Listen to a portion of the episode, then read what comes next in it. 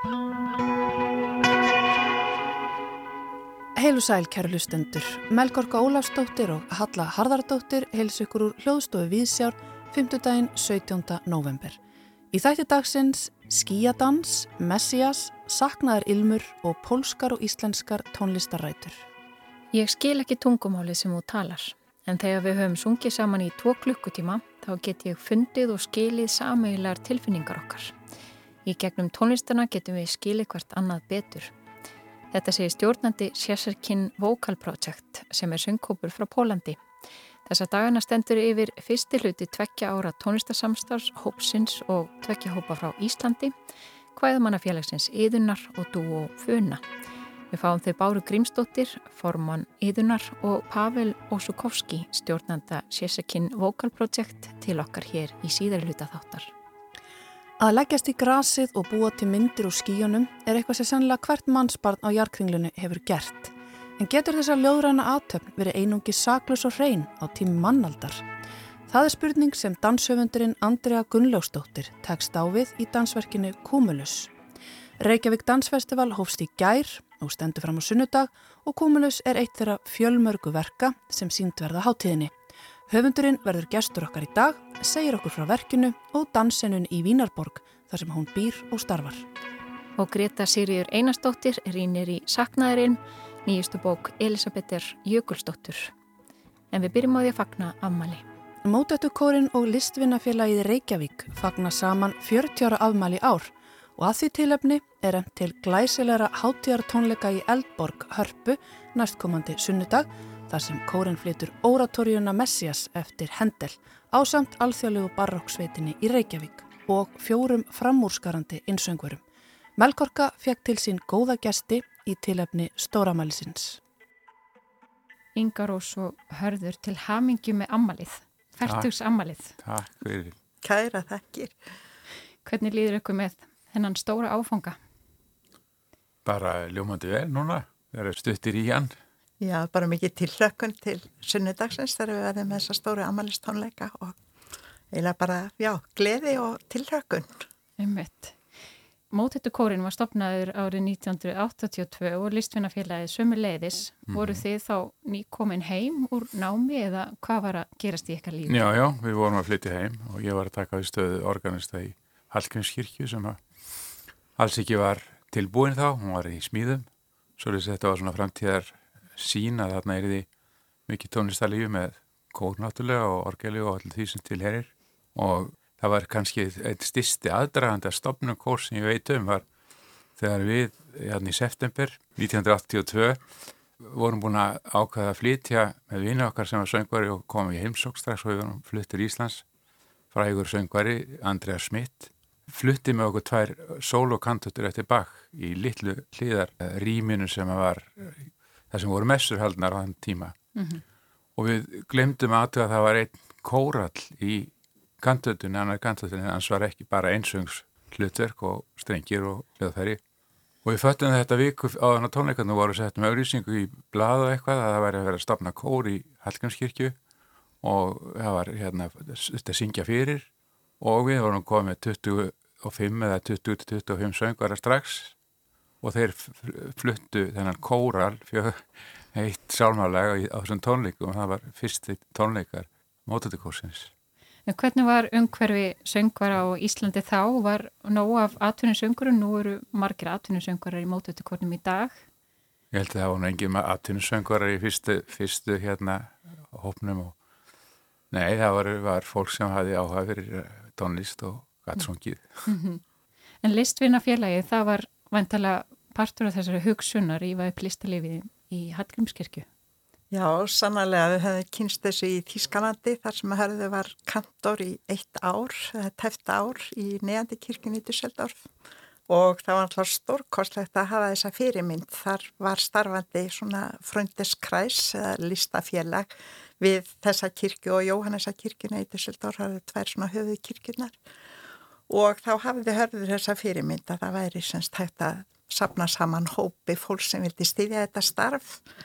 Og á þessum tíma átti Hallgrímskirkja þetta enga peninga svo leiðis að þetta var, var stórkostlegt að horfa fram á að það verði ekki nefn mögulegt að finna eitthvað bakland fyrir þetta listastar sem hörður sá fyrir sér og það var bara stórkoslegt, það var líka bara hugmyndin þegar maður horfið tilbaka og það var svo stór því að það var ekki eins og komið þak á kirkuna, mm. það voru bara útvekkir og, mm. og messanir, svo hörður segir, messuna fóru fram í Suðursal kirkunar sem er núna og það var ekkit orgel, það var gammalt mjög lélegt orgel svo að svo framtíða sín var öll líka frammyndan að hvernig þetta fjármagna orgelkaup En hörður semst hefur verið lístættstjórnat alveg frá upphafi og það var strax svona hugmyndina að það væri sem flestar listgreinar sem væri með listframbóð í kirkjunni og það var bara stórkostlegt um og líka rifi uppi fengus bara svo ótrúlegt lið listamanna í lið með okkur strax. Það voru svona náttsöngur sem við kallum á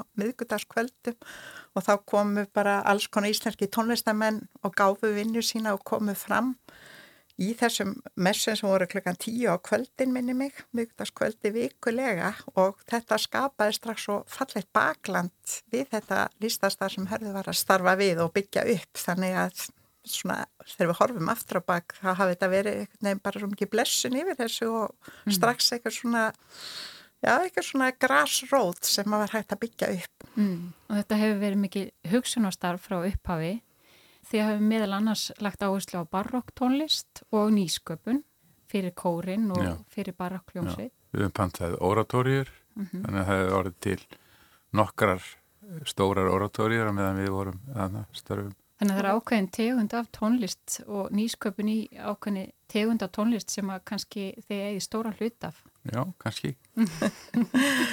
Já, ég held að mig alveg segja það og það var alltaf stórkostlegt líka að hafa þennan vettvangi í Hallgrímskirkju og meðan annars líka sem hörðustóð fyrir var þessi Sálmafoss sem var náttúrulega stórkostlega tenging við kirkilistaháttíð og þar voru fengnir e, í listamenn bæði skáld og tónskáld til að semja sálma og mjög gleðilegt núna þegar nýja sálmabókin er að koma út að sjá þennan afrakstur, það eru er ekki rétt með farið? Það er margir af þeim sálmum sem voru fyrst fluttir þar og þetta stóði verið í mörg ár. Þeir eru núna komnir í Íslensku sálmabókinu og eru bara orðinni partur af okkar sálmaarfi svo að við erum náttúrulega mjög stolt og gleði við því. En mótötukórin er kannski sá kór og svo skólakantórum sem að kemst næst í að teljast atvinnu kór á Íslandi. Hver er svona sérstaða mótötukórsins? Það er stort spurt. Sérstaðan er nú meðal kóra að syngja vel og flytja náttúrulega tónlist sem að hendaði rýminu sem við sungum mest í og, og að geta flutt stórverk með hljómsveit og við komum alltaf víða við með þar sko verið hérna þáttekandur í tónleikum eh, hjá Symfóni í hljómsveit Íslands nokkuð oft og svo náttúrulega samstarfið við baróksveitina það er náttúrulega mm -hmm. svo ótrúlega gleiðilegt hversu farsælt það hefur verið en fyrst og fremst hvað þetta er bara stórkostlega gaman og hvað þetta er frábært fagfólk sem við fáum og ég held sér bara mjög mikilvægt fyrir Íslands tónlistarlíf mm. og við náttúrulega hörpu mjög mikið að þakka að þau skildi bjóða okkur samstarfsamning sem við erum núna með listvinarfélagið til næstu tryggja ára og gerur okkur kleift að halda áfram þessu starfi svo leiðis að ég fyrra var flutt í Ólauratórian og tóst svo vel að mótutukórin fekk Íslensku tónlistavelinu sem tónlistarflýtandi ársins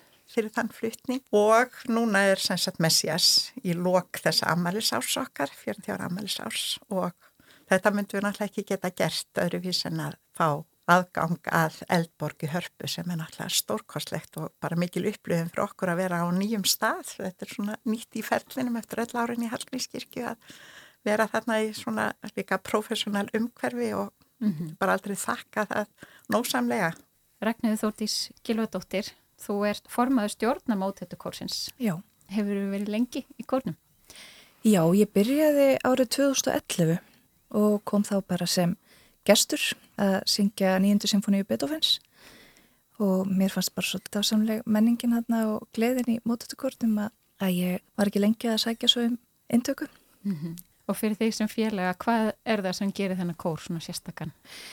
Það er, ég manna mjög vel þegar ég byrjaði ég er bara verið í kór nánast frá fæðingu þannig að ég svona þekkti aðeins tímin í kóralífinu en það var opbúrslega áþrjámanlegt nánast að þegar ég mætti á fyrstu æfinguna þetta var svona eins og að ganga inn í bara aðra fjölskyldu.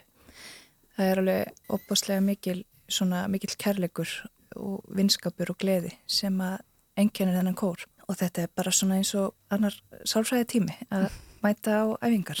Það er, maður kemur alltaf gladur heim og maður fær einhverja aukna orku að því að vera að syngja og svona dansa í rauninni með kórnum sem mm. er bara indislegt og það var meira að segja að það var svo skemmtilegt að í COVID það var nú ekki skemmtilegt en, hérna, en við heldum dampi svona eins mikið og við gátum út því að fólk fann það sérstaklega þá að það var mjög mikil þörf á að hittast og syngja eins mikið og hægt væri. Mm þannig að við gerðum ímsast tilraunir til dæmis eins og bara með fjarfundabúnaði hittumst og sungum þannig og hittumst með grímur mér sé eins svona vond og það var en þetta bara eh, var mikil svona þörf á þessari samveru og þessum söng akkurat þessum tíma. Mm -hmm.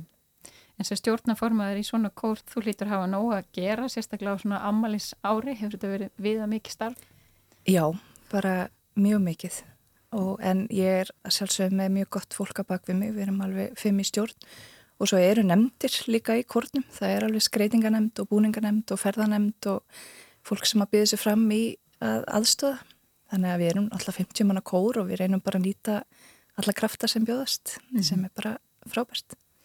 Nú er hápunkturinn á sunnudaginn þegar Messias verður fluttur í Elborg en þið hjónakort, hvernig er að líta svona aftur? Er eitthvað svona sem er algjörlega ógleimalegt á þessum 40 árum? Hver eru hápunktarnir í ykkar huga? Er hægt ég að velja? Geti ekki, ég geti ekki, hérna, ég er til að hugsa lengi um þetta mál og mm. ég geti að það eru margir hápunktar og hverju ári voru nýjir hápunktar mm -hmm. finnst mér svona að það er lítið baka. Já, það er náttúrulega ógleimanlegt og sérstækt bara á æfimanns að hafa verið svona náttengtur Harknýskirkju þegar kirkjan var vígð, allir aðræðandina því og einmitt með mótutkórnum og því fólki sem starfaði þá þar, það er náttúrulega minning sem aldrei mun gleymast og þá var mótutkórnum einmitt í beinni útsendingu í, með messuna og allt saman og félagur úr Symfónihást Ísland sem voru að spila og búið að frumsemja tónlist fyrir þetta tílefni og svo þetta stóra orgeli þegar klæsorgeli var víkt og hörðu spilaði einmitt í tónleika í byrnu útsendingu og það var tróðfull halkningskirkja, það var sem sagt, þetta var ólýsanlegt. Og svo alla kirkilistaháttiðna sem voru nú fyrst haldnar annarkvert ár. Þar voru mörg þrekvirk einmitt stór Íslensk tónverk frumflutt og reysastórar listsýninga settar upp í kirkini og, og mótutukorun söng til dæmis Mozart-reikveð með ballett, það er líka eitt af það sem er alltaf ágleimalegt í mínum huga og já, bara auðvitað mjög margt og bara mikið að þakka fyrir. En mm. líka bara ánægilegt að dampurinn skuli haldast núna þegar við erum semst komin að nýjan stað og kórin hefði fyllið aðstæði til þess að æfa og allir fylgdu herði úr Hallgrímskirkju, það er náttúrulega svo stórkoslegt, þetta er náttúrulega hans hljóðfæri eins og mótutukórin og þessu ári var líka stórkoslegt að upplifa frumflutningin á Guðspjalli Mari eftir Huga Einmitt. með skólakantórum mm -hmm. og það var í samstarfi við Listahátt í Reykjavík og þá komum við aftur í Hallgrímskirkju og heldum eina tónleika mm -hmm. sem var kannski svona viss falleg hverjustund Þetta búið að vera mjög fjölbreytt ár og einmitt, svo varst að tala um ammælis áru í rauninni byrjuðu það upp á starfsársins hjá Lístunarfélaginu er alltaf tengt fyrsta sunnudegi aðvendu, mm -hmm. svo að Jóláru og Tóriðan í fyrra sem sagt var einmitt á fyrsta sunnudegi í aðvendu við upphaf færtugasta starfsársins og við erum svolítið að marka þetta upphaf og endi með þessum tveimur stóru verkum í Eldborg. Ragnæður lísti svo fallega hérna áðan öllum kærleiknum sem fylgir kórnum og nú fær þessi kærleikur að, að fylla Elborg sem hefur fyllt Hallgrímskirkju í 40 ár. Ég bara vil ósku ykkur innilega til hammingi með stóramelið. Takk, takk. Kærlega fyrir. Takk, takk fyrir.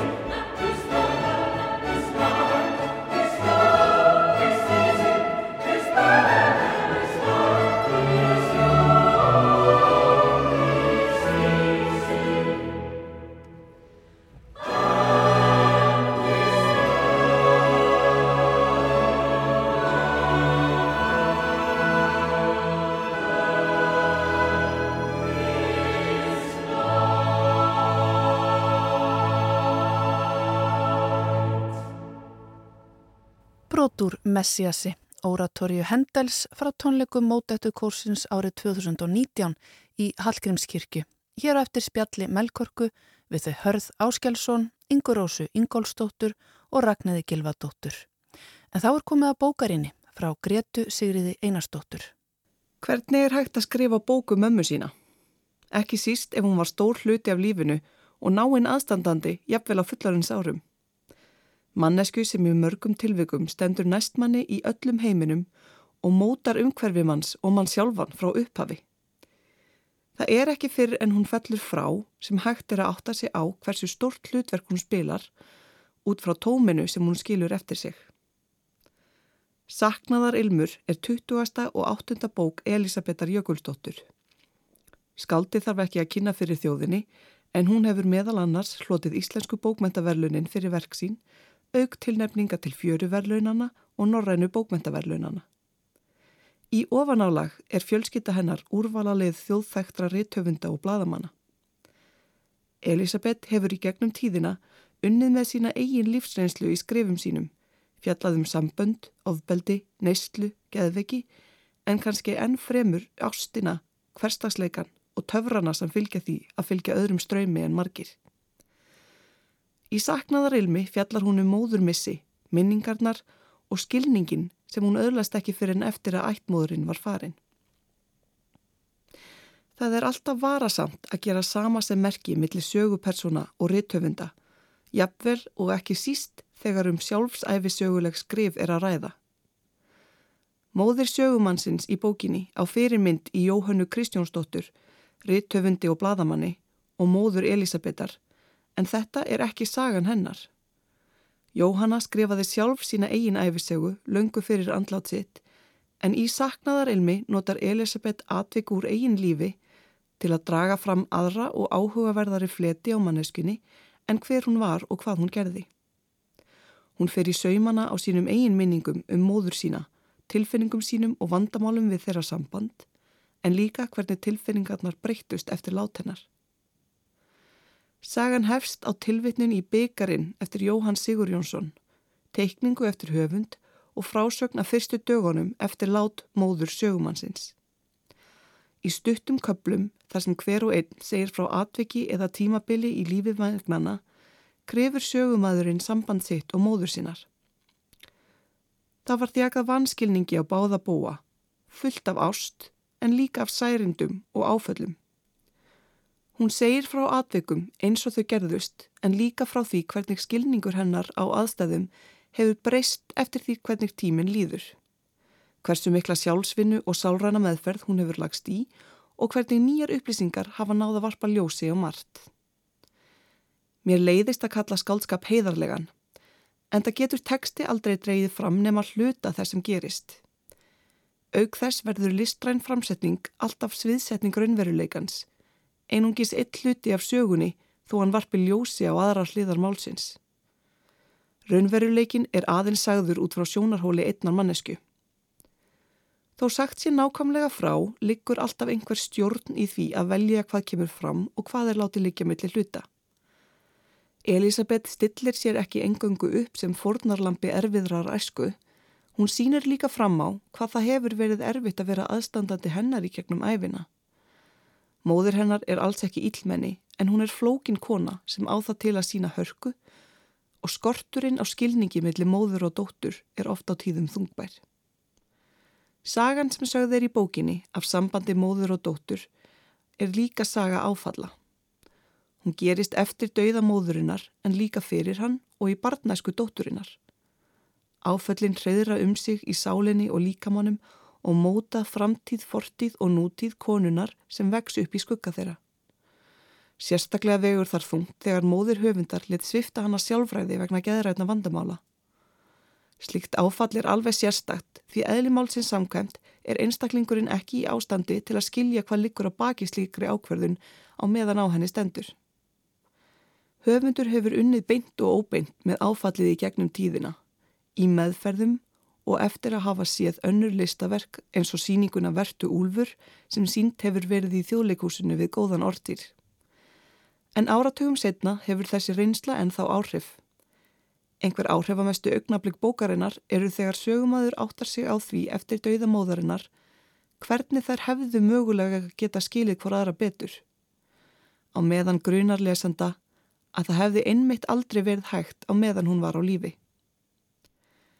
Það er kúmst að skrifa sjálfsæfi sögulegan skaldskap og margir eru kallaðir en fáir útvaldir. Elisabeth Jökulsdóttir er með okkar reyndustu höfundum í þessum stíl og sínir í saknaðar ilmi hversu fátama góð tök hún hefur á forminu sem krefst þess að geta hort á eði líf frá fleiri sjónarhornum en einu. Hún segir frá góðu stundunum og þeim slæmu. Tveimur flóknum konum sem allu hver annari erfileikum en áttu samt svo margt sameinlegt. Ögnablikin sem hún velur að segja frá eru bæði hverstasleg og einstök. Í sammenningu mála þau mynd af margslungnu sambandi sem var ríkt af tilfinningum, bæði góðum og slæmum. Í frásögn Elisabetar hafa sögur af jólabóðum í æsku, sömu vikt og sögur af eiturlifjaneyslu, sjálfskaða og að missa börnin sín. Þetta er allt hluti af lífinu og sögumadur segir frá því blátt áfram og án þess að dæma. Frásagnarmátin er leiftrandi og fyndin jafnvel þegar umfjöllunarerfnið er erfitt. Tekstin er áreynslu laus en nær þó að rúma mörg lög af mennsku. Saknaðarilmur er gullfallega bók, erfi ljóð um flóknakonu og tómið sem hún skildi eftir sig þegar hún fjall frá. Hún lýsir söknuði eftir því sem var, þakklæti fyrir tilveruna og sárendum yfir því þegar ekki var hlustað. Þarna er þrá eftir gagvæmum skilningi sem var kannski aldrei mögulegur. Það er ekki fyrir en höfundur er einráð yfir sambandinu að hún fær að upplifa það á sínum forsendum og það er bæði sárt og ljúft sagði Greta Sýriur Einarsdóttir um nýjustu bók Elisabetar Jökulsdóttur, Saknaðar Ilm. En þá förum við yfir í dansin en það danshátti Reykjavíkur í fullum gangi. Kúmulus er eitt þeirra fjölmörgu verka sem sínd verða háttíðinni en Kúmulus er þáttökugjörningur sem fer fram á túninu við kjarvalstaði og fær þáttengandur til að velta fyrir sér híminkvolvinu. Andrea Gunnlósdóttir hefur búið í mörg ára erlendis mestmægnis í Vínarborg þar sem hún starfar sem dansari og danshöfundur. Andrea leitt við í hljóðstofu viðsjár og ég byrja á því að spyrja hana hvað hefði leitt hana til Vínar? Góð spurning. Það var eiginlega bara svona röð tilviljana, kannski. Ég held aldrei að ég myndi búa í Vínaborg. Um, já, en ég sem sagt læriði dans og koreografi við uh, skóla sem heitir Salzburg Experimental Academy of Dance í Salzburg í Austriki. Mhm. Mm og hérna Fórstu þanga bara fyrir ekki beint já. eftir uh, mentaskóla, eftir að hafa verið alltaf að dansa hér heima? Nei, reyndar ekki. Ég hérna, var alltaf að dansa heima í klassíska listanskólanum mm -hmm. hjá Guðbjörgu skóladóttur, alveg hamaðist þar frá því ég var sex ára og já, og þá var alltaf stefnan að fara út í svona alvöru professional dansnám og þá hérna reyndi ég fyrir mér í alls konar intökupröfum og eftir mentarskóla og byrjaði á skóla í Englandi sem að, já, er svo sem ekki hérna, mikið til að tala um. Ég bara byrjaði þar og líka það ræðilega illa. Það er bara, það? Já. Af hverju? Það var bara martröð. Martröð? Nei, bara svona, hérna, erfitt að flytja heimann þegar maður er tvítiður og, og hérna, mm. svo að kreppan, hérna, þannig að námslánu mín bara hvað tvöföldist á einum degi í Englandi sem að var hérna pínu dráma. Var þetta bara bynd eftir hrun? Já, en allavega, ég ætla ekki að hérna staldra það lengi. Svo, svo egnaðist ég bann, ég var 21 árs með manninu mínum og svo flyttist við saman hérna til Salzburg með dóttur okkar og þá fór ég í þennan skóla og lærið þar í fjögur ár. Og þar kynntist ég hérna, já, svolítið að það komu svona dansöndar og listamenn frá Vín að vinna með nefndunum í þessum skóla og það leti svolítið til þess að hérna að já það sköpust tækifæri fyrir mig í Vín og það leti okkur þangað og hérna já þar byrjaði ég að vinna svona um, professionali. Hvernig tækifæri sköpust fyrir því Vín hann að beint eftir, eftir námið í Salzburg? Um, með hérna bara sem dansari fyrir listamenn og dansjöfenda mm -hmm. Sjálfstætt starfandi eru sjálfstætt starfandi og svona established í Vín um, Doris Úlig hún hefur líka komið á Reykjavík Dansfestival og sínt og ég var að vinna sem hérna, bæði dansari og, og aðst, svona listræðin aðstofamaður japansks listamanns og já, þar byrjaði ég bara sem dansari að hérna reyna fyrir mér fyrir mm -hmm. 8 árum síðan mm -hmm. Og það verður þá að gengja hansi vel. Þú ert búin að vera hlaðin verkefnum sé ég allavega á heimasíðinu þinni og því sem ég verður að skoða því sem þú verður að gera. Hvernig er, hvernig er dansennan í Vínaborg? Um, það er bara átrúlega mikil flóra svona í meðvið hvað hérna, þetta er þannig séð lítilborg en samt stórborg. Um, og ég held alltaf þú veist sem dansari þá hérna stendi ég alltaf kannski meira á svona Brussel eða kannski Berlín. Brussel hefur lengi verið svona söðupotturinn í dansi. Þar eru ótrúlega spennandi hlutir búin að gerast bara í mörg mörg ár. En það var kannski svolítið þjapað bara í hérna þar. Þannig að og ég var svona byrjuð að vinna með þessu fólki í Vín. Og það eru stórar veist institutions í Vín sem eru impulsdans. Það er stort festival mm. sem að hérna margir sækja. Á sömurinn bara allstarað International Dance Festival. Mm. og þar eru líka þrjú starfandi svona leikhús. Þannig að það er rótgróin sena Það er mjög rótgróin sena og mjög vaksandi mm. og alveg svona relevant -hmm. og ég hef verið mest að vinna með leikhúsi sem heitir Brút um, þau hafa svona stutt mig frá byrjun og já, ég hlaut sagt, styrki frá vín fyrir mínum eigin verkefnum mm -hmm. Þannig að þú verður að sína þín verk hjá því leikúsi Já Þannig að það eru þó nokkuð um tækifæri kannski, kannski fleiri tækifæri þar heldur en hér Ég bara þekk ekki alveg nógu vel hér að ég hef bara aldrei starfað og, og verið fullorðin á Íslandi en mér finnst ótrúlega hérna gaman að vera núna kannski að mynda eins meiri hérna, já, stíga svona með annan fótinn heim Einmitt. það hefur alltaf verið draumurinn, mm -hmm. planið en ég held að hérna, já, það hefur árið bara svona ég ætla ekki að segja þægilegt fyrir mig úti af því að þetta er algjör frumskóður og algjört strögl og já, en það eru hérna kannski aðeins meira, það er aðeins meiri peningar í dansi og þessi leikurs sem að bara setja á svið stórar og flottar síningar mm -hmm. bæði frá Vín og flytja inn Erlandis frá Einmitt. þannig að ég veist, get séð síningu í hverju viku í hérna Vín sem er ótrúlega stór partur að ég að bara hérna, þróa sitt eigið og að vera með að sjá Einmitt Þú ert þess að koma núna heim í fyrsta sinn að taka þátt í Reykjavík Dansfestival sem er 20 Já. ára háttíð Já. í ár, stórmerkil háttíð. Um, Ótrúlega flott sem að þau hafa gert um, Áskerður og Alexander Roberts þarvendan mm -hmm. og núna Brókan og Pétur. Algjörlega. Segðu mér frá hérna verkinu sem þú ætlar að bjóða upp á, Cumulus. Já, Cumulus er hérna verkum skí og um, það er unnið í samstarfi við frábæra myndlistakonu og sviðslistakonu sem heitir Claudia Lomushitz. Við unnum þetta verk alveg saman frá byrjun. Verkið á sér stað sér sett utan dýra. Þetta er svona audio walk, myndi maður kannski segja. Eh, við kallum þetta reyndar audiovisual performance. Þú færð heyrnatól og verkið gerist svona í, hérna, þetta er hljóðverk Þannig að þú heyrir, fær bara allt í gegnum eirun og við viljum beina sjónum áhörvandans til heimins upp í það sjónarspill. Við erum svona að leiða áhörvandan líka með svona uh, actions sem að við gerum.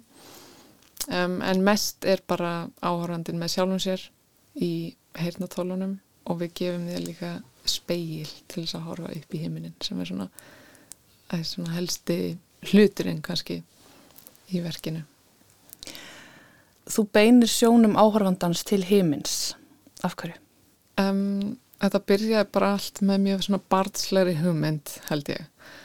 Uh, að horfa upp í skíin veist, ég held að þetta sé eitthvað sem að ég þóra fullir það bara hvert einasta mannspann á jörðinni á minningar, við hefum öll minningar að liggja og horfa upp í skíin og að sjá fyrir okkur svona fígurur og sögur og já, það var svona hugmyndin bara að fara svolítið tilbaka að þángað hugmyndin kviknaði COVID mm. þannig að þetta svona inni og úti var ótrúlega mikið kannski ekki eins mikið á Íslandi en þar sem að ég var þar var alveg hardcore lockdown og við vorum bara först inni. Og þetta svona fara út var hérna ótrúlega mikið dæmi. Þetta er svo úrðunverulegt núna að hugsa til þess. Algjörlega og bara maður gleymir því. Og þannig byrjaði svolítið hugmyndin og líka að geta hort upp í heiminin í gegnum speilin það var hérna hugmynd líka svona úr batsæsku að því að ég var alltaf að leika mér heima í húsinu mínu með speil svona fyrir framæg og þá getur þú svona lappað á loftinu. Mm. og þá kveiknaði þessi hugmynd ah ok, hvað er það ég get látið fólk lappa á skíjónum já en svo fórum við svona að kafa í þú veist skíin og auðvitað er þetta ótrúlega viðfangsmikið efni um, þannig að við vorum hérna bara svona hvað langar okkur að tala um eða þú veist hvað, hvað þýðir þetta að hugsa um skíin núna og, en það er náttúrulega ótrúlega við hæfi að því að við erum með þessa loftslags vá sem að hangir yfir okkur bæði svona í, sinni, í þeirri myndlíkingu en líka bara bókstaflega mm -hmm. bara í loftinu og svo náttúrulega bara þessi manngerðu skí sem að hérna eru bara eila tákmynd okkar tíma þess að svona um, ég mm. heyrði orðið mannmiðjöld einhverstaðar fyrir anthroposín mm -hmm. mannöld er líka að tala um já, já okay. mér fannst mannmiðjöld eitthvað geggjað orð já það er mjög flott líka Nei, en hérna... Já, já, það eru þetta allt önnur aðtöfn í dag kannski að horfa til heimins á tími mannaldar. Já, er það ekki, þú veist, að hérna, að því að við eigum svo mikinn hluta í þessi svörtu skí sem að, þú veist, já, sem er takmynd fyrir yðnvæðinguna og náttúrulega atomsprengjan og sveppaskið. Þannig að það er svona myrkarliðin á á þessu efni þessi ljóðræna aðtöp barnsins að horfa til heimins og reyna að ímynda sér eitthvað fallegt er allt í hennu farin að tákna eitthvað annað á okkar tímum já Einmitt. og við, það var svolítið svona bömmir að, að hérna nei ég segi það ekki. Þetta var það alveg. En fyrst og fremst vildu við halda í bara að, að við getum hort til heimins og bara láta okkur dreyma og hérna já. Mm Og þið köfuðu svo sannlega efni vegna þess að þú komst hérna færandi hendi með bók sem að sagt, þáttakandur, áhorfendur fá við lok gjörningsins. Ótrúlega falleg og vegli bók með tekstum og pælingum uh, svona, í rauninni afragstur ykkar rannsóknar vinnu, ekki satt? Vegna þess að Jú. það kemur í ljósa að auðvitað hafa margir listamenn verið að velta fyrir sér skíum í gegnum tíðina. Akkurat. Við hérna vorum með svo mikið, við köfum svo djúft í þetta en það var kannski ekki allt sem við vildum hérna koma um, sem að komst bara að í verkinu sjálfu þannig að við ákveðum að gefa bara út í, í þessar bók sem að er hluti af verkinu og áhörvendin fær í lókverksins með myndefni og, hérna, og texta sem að, já, sem að fylgja með. Mm -hmm. Mér finnst svona við fyrstu sín virðast sem að þessi, þú talaður um að þetta hefði verið einfælt hugmyndi upphafi að hún sé orðin svona daldi mikið pólitísk í lokin. Já, eiginlega. Og hérna, mér finnst alltaf mjög erfitt að hérna, segja eitthvað í, eða þú veist að gera eitthvað svona pólitíska list, það er ekki minn styrkleiki þannig. En þetta var bara, þetta er pólitíst efni hvort sem þú vilt að það ekki. Mm -hmm. Og að horfa til hímins er bara, þú horfir upp í meira heldur en bara skín þetta er marg lög.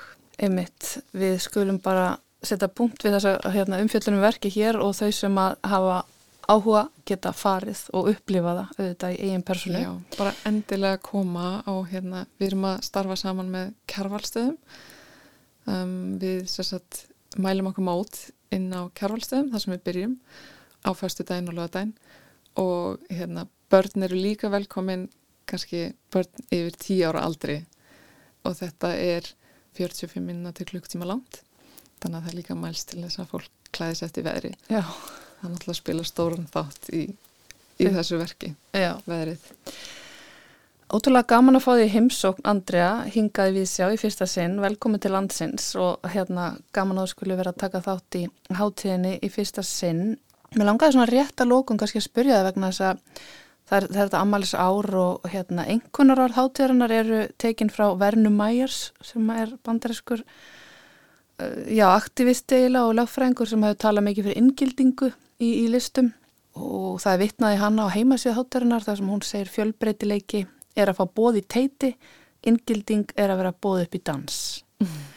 Þessi umröð hefur verið mjög hávær hérna á Íslandi, ég veit ekki hvort þú er fylgst með henni en það hefur verið mikið rætt um þetta hérna síðasta misserið, inngildingu í listum.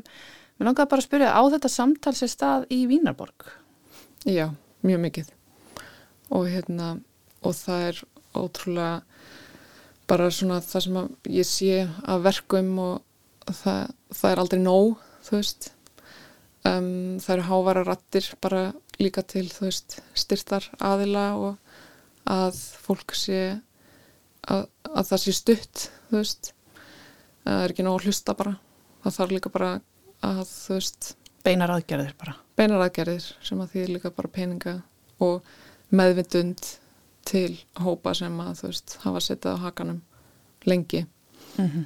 og það er svo ótrúlega spennandi einsbytting í einan heim og minnst það ótrúlega flott hvernig Reykjavík Dansfestival er að, er að hérna gera það mm -hmm. Andrea Gunnlustóttir, dansari, takk fyrir að vera gestur okkar hér í Vísja og til hamingi með Kumulus Takk að ég kærla fyrir Og úr dansinum förum við yfir í þjóðlega tónlist Í gær og í dag er tónlistasamstarf Tjetsin Vocal Project frá Pólandi og Duo Funa og Kvæðamannafélagsins Íðunar frá Reykjavík. Bára Grímsdóttir, formaður Íðunar og Pavel Osukovski, stjórnandi Söngkópsins Pólska, leitu við í hljóðstofu í morgun. Konan blessu kemst á stjá. Kærleik meður fínum gröytartiskum gengur frá. Gætir að hjóum sínum Gætir að hjóum sínum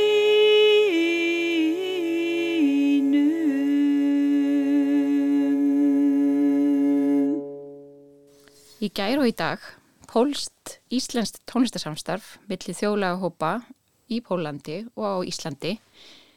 Annar hópurinn hérna heima er hvaðmannafélagið Eðun Bára. Getur byrjað að segja okkur aðeins frá hvaðmannafélaginu Eðunni?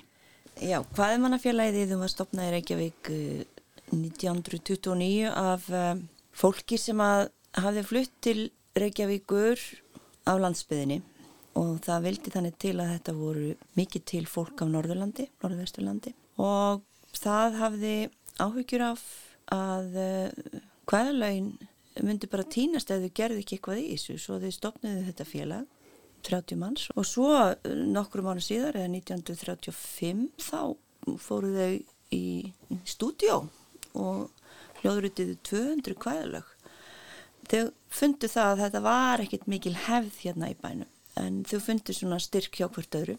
Og svo hefur bara félagið verið starfandi alla tíð síðan. Og við erum núna rétt um 200 í félaginu. Þetta er nokkuð öflut starf, það er þessi reglulegi fundir og það eru söngkvöld eða hvæðalaga æfingar Já.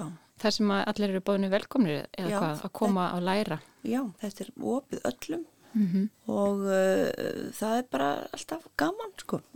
Og í kjartkvöldi þá var svona söngvakvöld og Já. pólskir vinir mættu Já, og við, já, í gerðkvöldi þá var söngvaka, við kallum þetta söngvöku, þá, þá vorum við ekki bara að syngja kvæðalög, heldur líka kannski tvísönga eða sagna dansa eða fleira í þeim túr. Og uh, við buðum gestum okkar frá Pólandi að koma og, og við vorum hana 20 manns í Gröndalshúsi og það var mikil og góð stemming, við vorum bæði að kveða og það var einn úr hóknum, Adam Strögg sem er alveg sérfræðingur í pólskum þjóðlögum. Hann var að kenna okkur pólsklög og við létum öll rinja í okkur. og við sungum líka tvísangslög íslensk og þeim þótti voða gaman að syngja hérna fimmundina með okkur. Já, ég trúi því, það er vinsælt. En hann Adam, hann er líka búin að, hann var með fyrirlestur í listaháskólanum og þetta er heilmikið samstarf með vinnustofum og fyrirlesturum og, og tónleikum og, og tvekkja ára samstarf melli þessara hópa. Hvernig kom þetta samstarf til?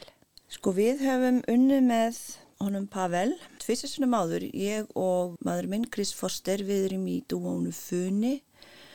Hann hafði samband við okkur sko og svo fyrir fjórum árum síðan fórum við Chris til Jetson og vorum með tónleika þar og, og á þessum tónleikum sko þá vorum við að syngja bæði pólsk og íslensk lög þannig að þau hafa kent okkur og, og við kennum þeim. Pavel, how did you discover Duo Funi?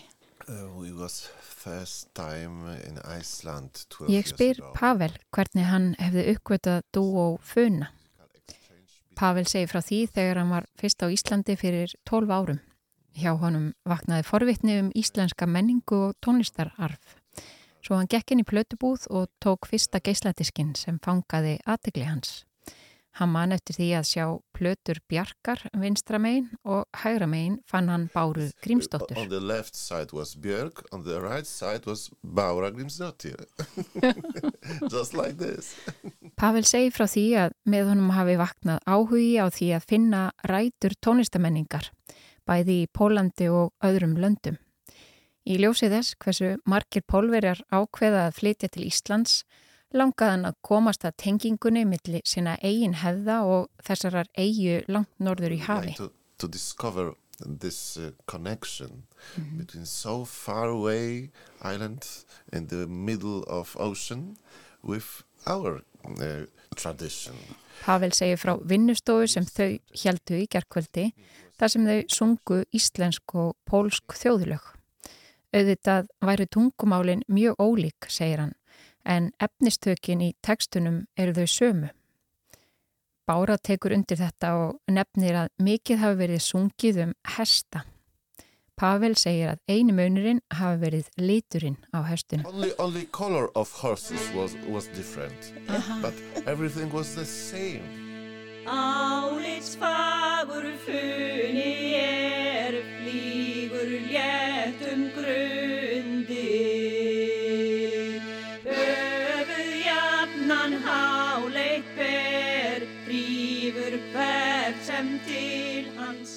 Tali best að því hvernig fylgja megi eftir tónlistarhauðinni sem tengir samfélagin saman.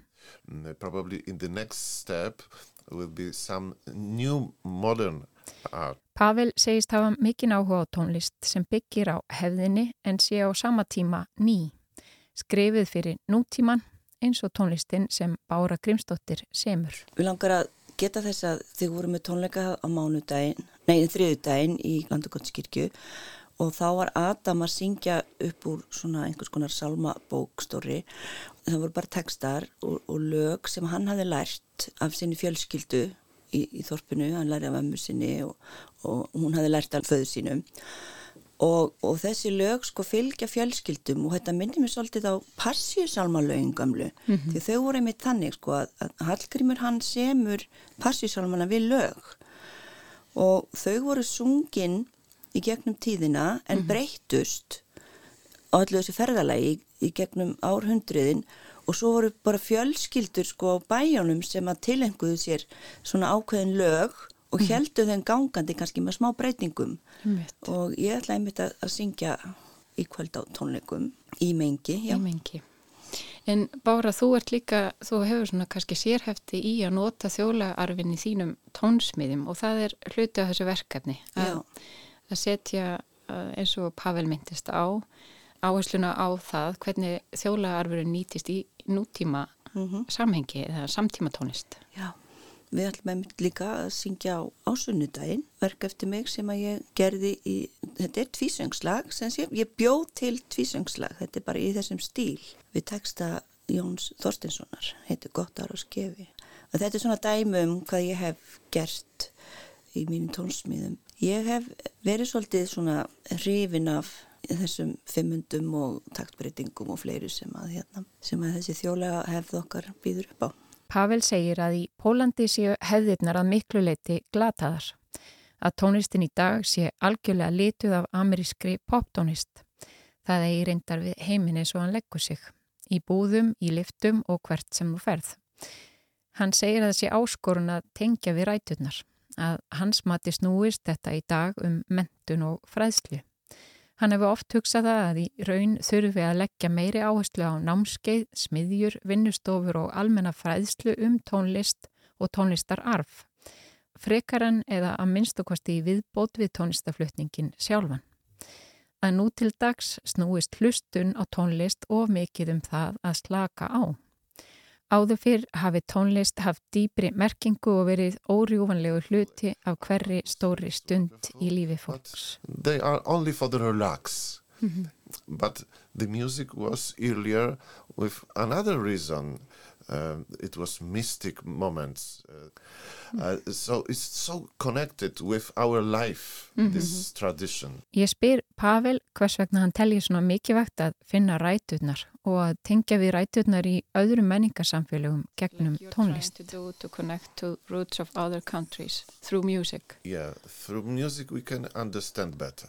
Pavel svarað því að í gegnum tónlist getum við skilið hvort annað betur. Hann segist ekki skilja tungumálið sem ég tala en að þegar við höfum sungið saman í tvo klukkutíma þá geta hann fundið og skilið sameigilega tilfinningar. Hann skilur brós annarar mannesku og í gegnum tónlistana verður sambarileg tenging. Pavel segir að tilfinningarnar sem tónlistin getur vakið sé fyrsta skrefi til þess að auðlast skilning hvert og öðru. Og skilningur er fyrsta skrefi til að tengja og brúa bil millir samfélaga. Það, það var líka hérna á Íslandi eins og hann er að tala um í Bólandi að tónlistin var miklu meira partur á lífi fólks mm -hmm. sjómenn þeir sungu salmáðurinn og fóru sjóin til dæmis eh, og það voru sungnir það voru þess að kvöldvöggur það sem að var rimlarsöngur eða það var líka sungnir einhvers konar salmar þegar var verið að lesa húslæsturinn mæður voru alltaf að syngja við börnin, þulur eða, eða hvað sko. Mm -hmm. og svo framvegis, þetta var alltaf miklu meiri einhvern veginn partur af lífi fólks. Heimi er farið að pafla í helið gyrtið pafla stærstu pafla húninn drefur alla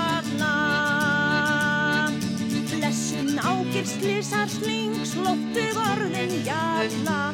Málum réttum tryggja þing þegar út ómar spjalla So this this collaboration that you're doing incredible experience. do you feel like you understand better? I know your project is just starting and it's a two-year project but do you feel like you're starting to understand why so many Polish people come here? The, the connection between these cultures? We'll be, say. Ég spyr Pavel hvort hann sé einhver nærum það hvers vegna svo margi pólverar hafi ákveð að flytja til Íslands. Hvort hann hafi auðlast einhvers konar skilning á því hvað tengi þessa tvo menningar heima saman. Pavel segir að því sé erfitt að svara á þessu stíi en það sem skipta hann meira máli og hafi verið ástæðan á bakvið verkefni þeirra sé það að Íslendingar fái tækifæri til þess að kynnast pólskri menningu að við þekkjum kannski pólskan dugnað og við þekkjum til fólksins sem hafi komið hinga til að vinna en að við vitum mögulega ekki eins mikið um tónlistina og menninguna sem kemur frá Pólandi. You know our professional uh, workers mm -hmm. but probably you know not so many you have not so many information about our treasure of our music for example. Tu wida, tu noc choc i słucha kto z kim gada. Tu dzień, dzień, tu noc, noc, tu wida, tu choc i słucha En tónleikarnir í kvöld og svo þetta áframhaldandi samstarf. Já. Eru, eru pólverar að sækja til dæmis þessa viðbörði, er pólverar sem eru, sem eru búsettur á Íslandi? Heldur þetta að gera eitthvað fyrir svona þetta samlífi okkar? Já, ég ætla að vona það, það allavega í gær, þá, þá komin okkur í pólverjar og sungu alveg að krafti með okkur og ég vonaði, ég, ég gerir áfyrir að, að koma einhverjar tónleikan í kvöld. Adamströgg og ég verðum sem sé þarna í borgrunni við ætlum að syngja svona í sitt hverju lagi. Og, og, og hann er nokkuð þekktur í þessum þjóðlega bransa í Pólandi, mm -hmm. hann er svona stort nafn þar.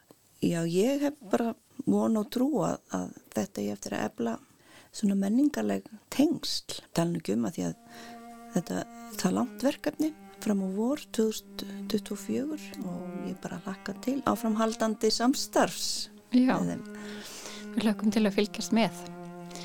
Takk innilega fyrir komuna. Thank you Pavel. Thank you. Takk fyrir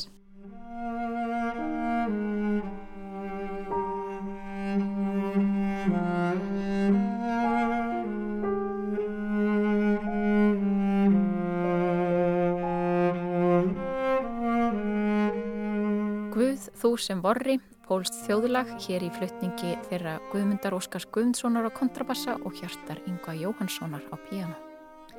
Og á þessum fögru nótum endur við þáttin í dag. Takk fyrir að hlusta og verið sæl.